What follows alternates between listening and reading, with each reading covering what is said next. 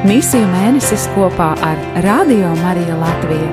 Piedāvājam dienas pārdomas no Tautu evanģelizācijas kongregācijas pontificālās misiju biedrības sagatavotās grāmatas Kristīti un Sūtīti - Kristus baznīcas misija pasaulē.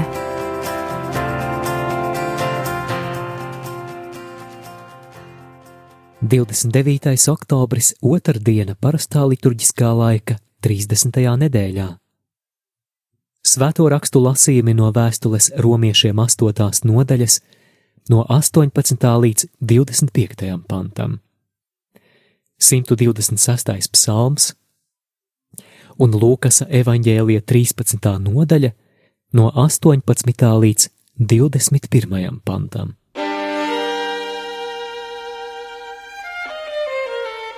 Psalmu teicējs aizrāvies ar radīšanas skaistumu, pats sev jautāja, kad raugos tavās debesīs, tavu roku darbā, mēnesī un zvaigznēs, ko tu esi radījis.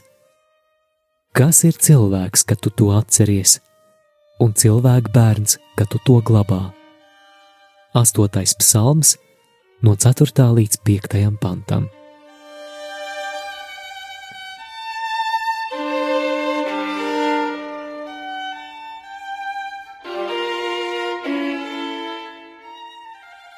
Cik reizes mēs esam bijuši pārņemti ar radīšanas skaistumu, domājot par zvaigžņoto nakti, sēžot pie upes, kuras krastus glāsta viegla vēsma, apbrīnojot saulrietu vai varavīksni, vai vērojot, kā bērni laimīgi spēlējas kopā, neņemot vērā rasi, ādas krāsu vai sociālo stāvokli. Cik reizes mēs sev esam jautājuši, kāpēc šai brīnišķīgajai pasaulē, kas mūs uzņem un rūpējas par mums tikai īsu laiku, ir jācieš no šādas vardarbības no mūsu pašu rokām. Kāpēc mēs nevaram dzīvot mierā un harmonijā, padarot mūsu kopīgās mājas par brālīgas līdzās pastāvēšanas patvērumu, par patīkamu vietu visiem? cik daudz nevajadzīga ir cilvēku projektos.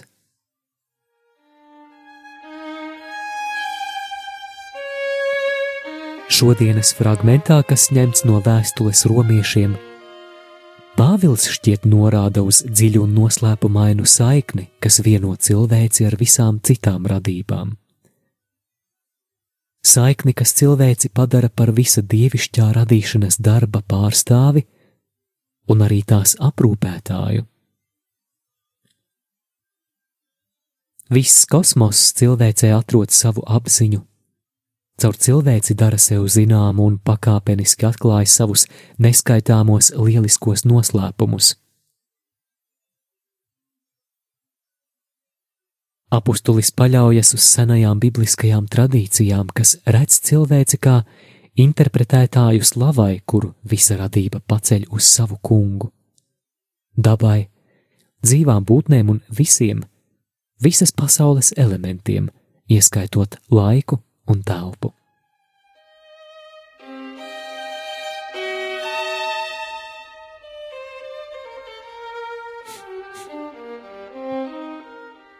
Bībeles tekstu autori. Sievietes un vīrieši, kas gadsimtiem ilgi ir sekojuši viens otram, izmantoja dažādas literāras formas, lai runātu par pasauli un tās radījumiem, protams, kādi tie bija dotajā laikā pazīstami. Viņi poētiski izteica sevi caur psalmiem un himnām, dziesmām un doksoloģijām, personifikācijām un stāstiem, bet vienmēr ar ticības skatienu ar bijību un pateicību par visas dieva radības labestību caur viņa vārda spēku. Šī iemesla dēļ visa radība nes radītāja vārdu un pauž kaut ko no tā dievišķās godības un bezgalīgā skaistuma, kaut ko no tā maigās un nevainīgās mīlestības, kaut ko no tā gudrības un inteliģences, kas visu caurstrāvo harmoniski apvienojoties vienā klusumā daudzšķautņainas dzīves simfonijā.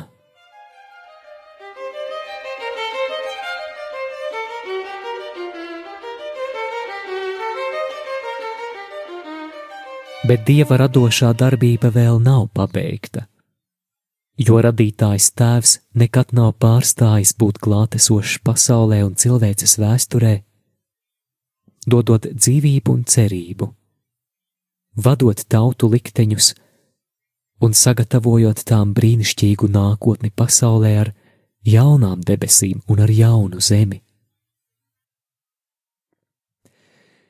Visos nozīmīgākajos Izrēla vēstures notikumos apsolījums patriarhiem – atbrīvošanu no Ēģiptes ķēniņa, pravietiskā sludināšana, izsūtīšana, atgriešanās, mesijāniskā cerība, vārda pestīšana, ko veids gudrie. Mēs uztveram dieva klātbūtni un iniciatīvu, ko dievs ir uzņēmies, lai šīs lietas notiktu. Tāpēc mēs varam teikt, ka dieva žēlastības ūdens plūst cilvēces vēstures upē ar milzīgu mīlestību, tēvišķu pedagoģiju un mātišķu maigumu, viņš caur faktiem un vārdiem pakāpeniski atklāja savu pestīšanas plānu, kas ietver visu radību. Tādējādi Isaija apraksta visuma prieku par savas tautas atbrīvošanu. Dziediet debesis, jo kungs rīkojas, Līksmojiet zemes dzīves, lai izlaužas gaviles ik kalnam un visiem kokiem mežā, jo kungs ir izpircis jēkabu, un viņš tiks daudzināts Izrēlā. Īsajas grāmatas 44. nodaļa, 23. pants.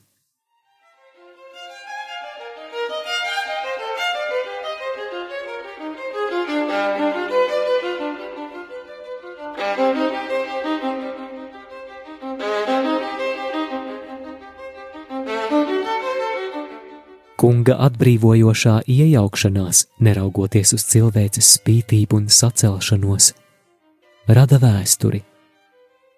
Pestīšanas vēsturi, kas noteikti gūs panākumus, jo tā ir atkarīga no viņa mūžīgās mīlestības, viņa bezgalīgā spēka un pierādītās uzticības. Tā ir autentiska kristiešu cerība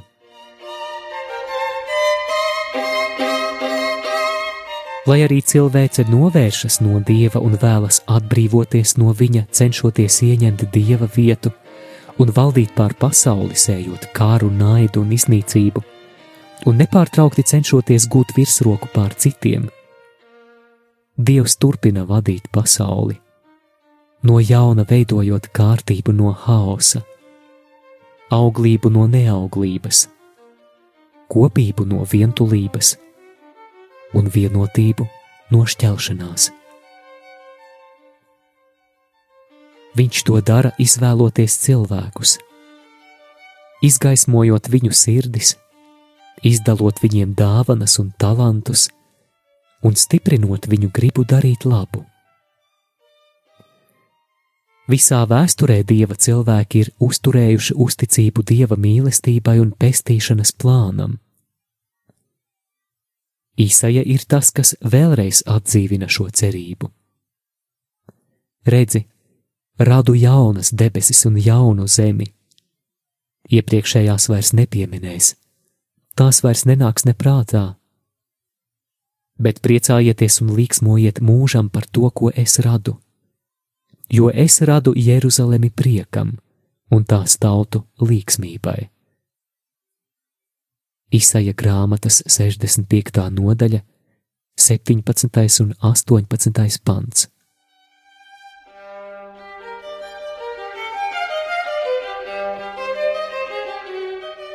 Sākot ar lieldienu noslēpumu, kurā atspīd visa dieva spēka un uzticīgās mīlestības gaisma, Pāvils ar cerību var apsvērt vēstures krāšņās beigas, piedaloties visai radībai.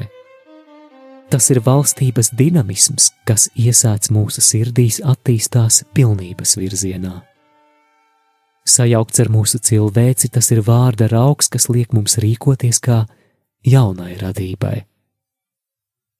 Gars palīdz mums vēlēties, aktīvi iesaistīties un ar neatlaidību gaidīt dieva bērniem apsolītās godības izpausmi.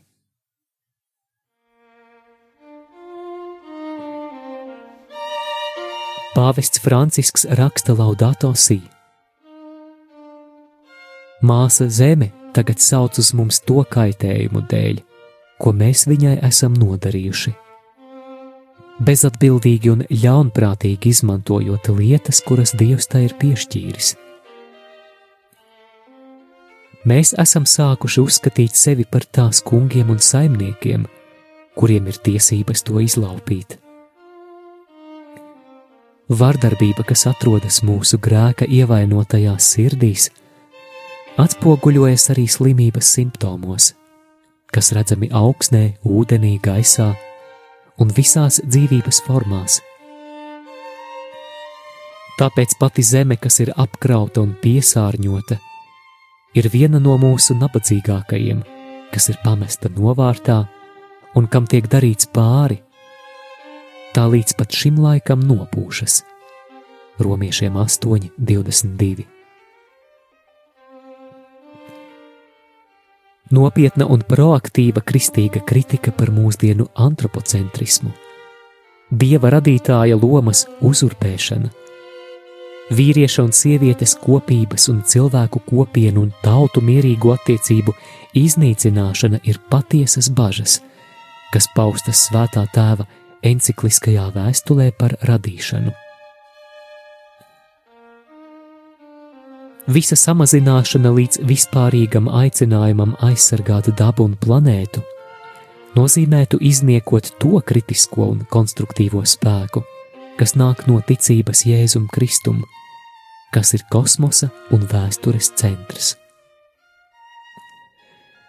Atjaunojošais radīšanas piepildījums Jēzus lieldienu notikumā parāda, cik daudz rūpju un mīlestības Dievs izlēja savos darbos, kam viņš nekad neļaus nonākt mūsu grēka iznīcinošā tukšumā.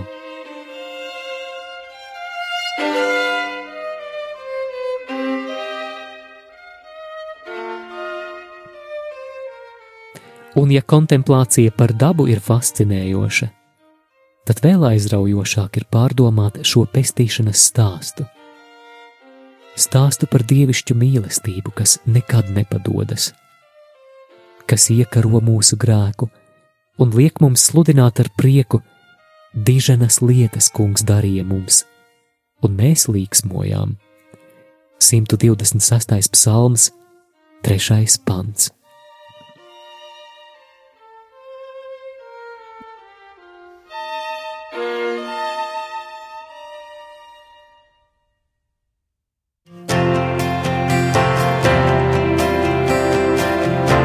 Dzirdējāt dienas pārdomas no Tautu evanģelizācijas kongregācijas pontificālās misiju biedrības sagatavotās grāmatas Kristīti un Sūtīti - Kristus baznīcas misija pasaulē.